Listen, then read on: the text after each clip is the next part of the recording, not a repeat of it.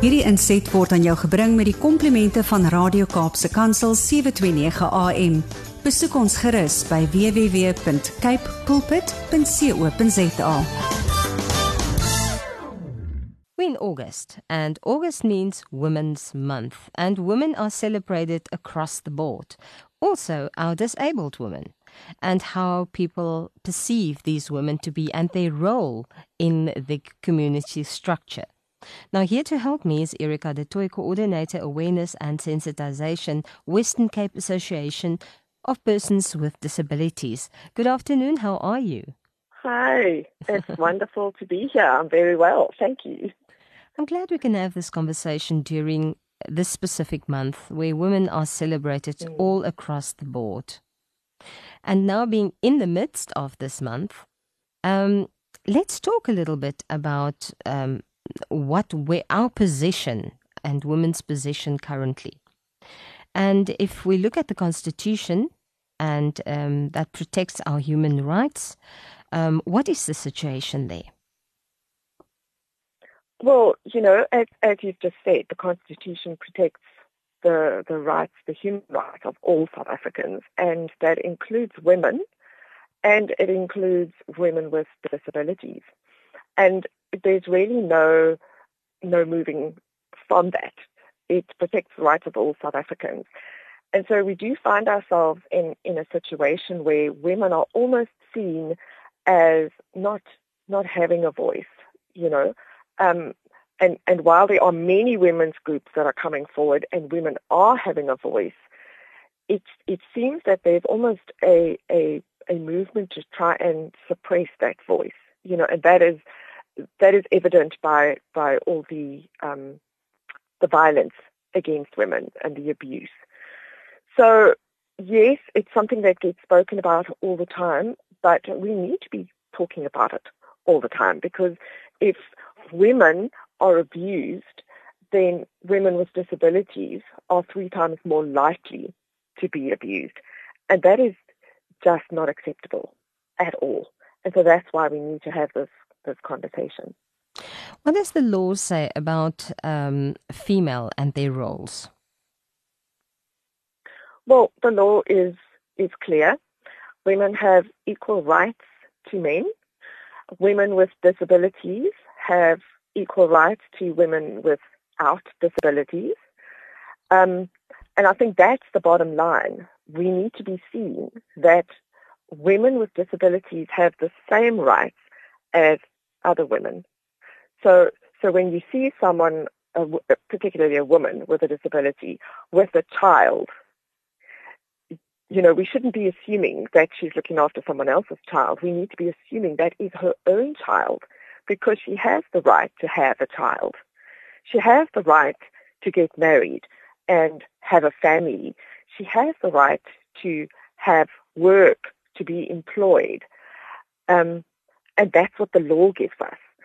But it's one thing having the law in place, it's another thing implementing the law and changing the way people think about women um, and specifically women with disabilities. Because it's not, I almost want to say it's not sufficient just to have the law there. You know, we, as an organization, we don't want people to do things just because the law says they must. We want them to do things because it's the right thing to do and acknowledging the rights of women with disabilities is the right thing to do. And so often I've seen people go, um, oh, she's disabled. I didn't even know she could have a child.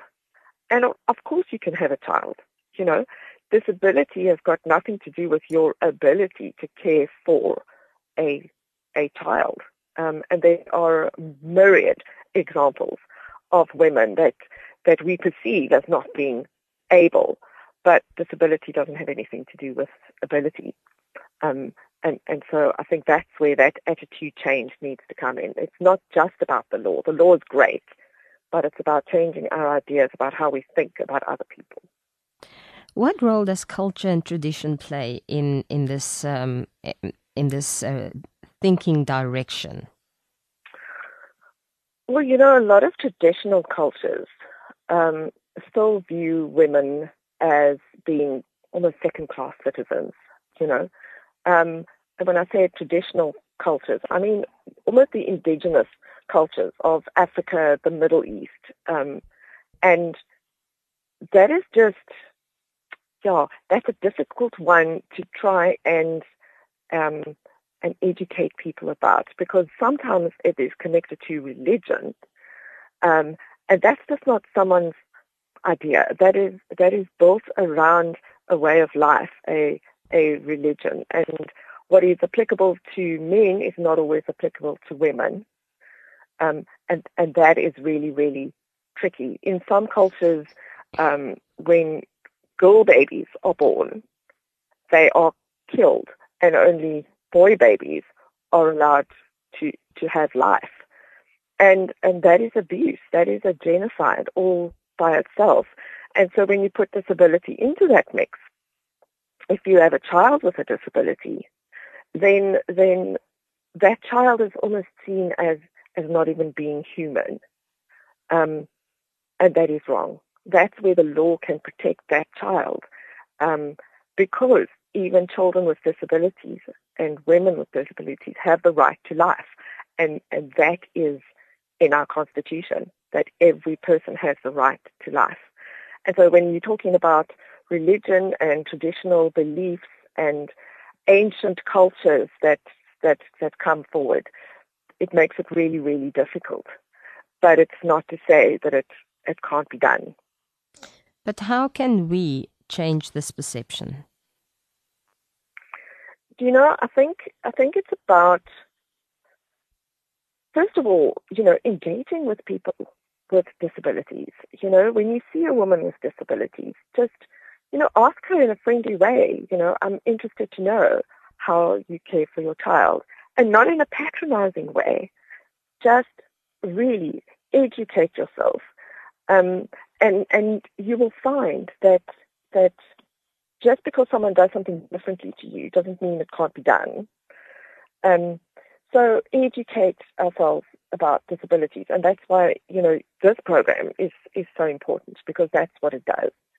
Educate people, um, become friends with with women with disabilities, socialize with women with disabilities, even volunteer at organizations like ours, where you most probably would would come into contact with more people with with disabilities. And once you do all of that, then you find something that isn't so strange anymore. And I think naturally humans are, are very afraid of what we don't know. Um, and so if there's something that you don't know, then find out. Um, and the more time you spend with people with disabilities, you realize people with disabilities are people first. You know, whatever impairment they have is secondary to the individual that they are. Um, and I and I think that's the way that's the way to deal with it. And once you know better, then then do better. If you know better, you know, tell your friends, tell your family, speak to your children, um, and and help to spread the word that all people are equal. And whether you have an impairment that means society will disable you in some way, that's kind of the second and third verse my husband always used to say, always says. Um, the main thing is people with disabilities are people and human, and they need to be treated as such. It's good to have these awareness conversations, especially in this or during this month. So, we want to refer people back to you. How can they contact you and your organization for further inquiries? Well, the organization's telephone number is 021 555 2881. Um, my email address direct email address is awareness at wcapd.org.za. So people are welcome to send an email. You can contact us on our website as well, and we're on social media. There's there are many ways to get in contact with us. Let's give that email again very slowly. It's awareness at wcapd.org.za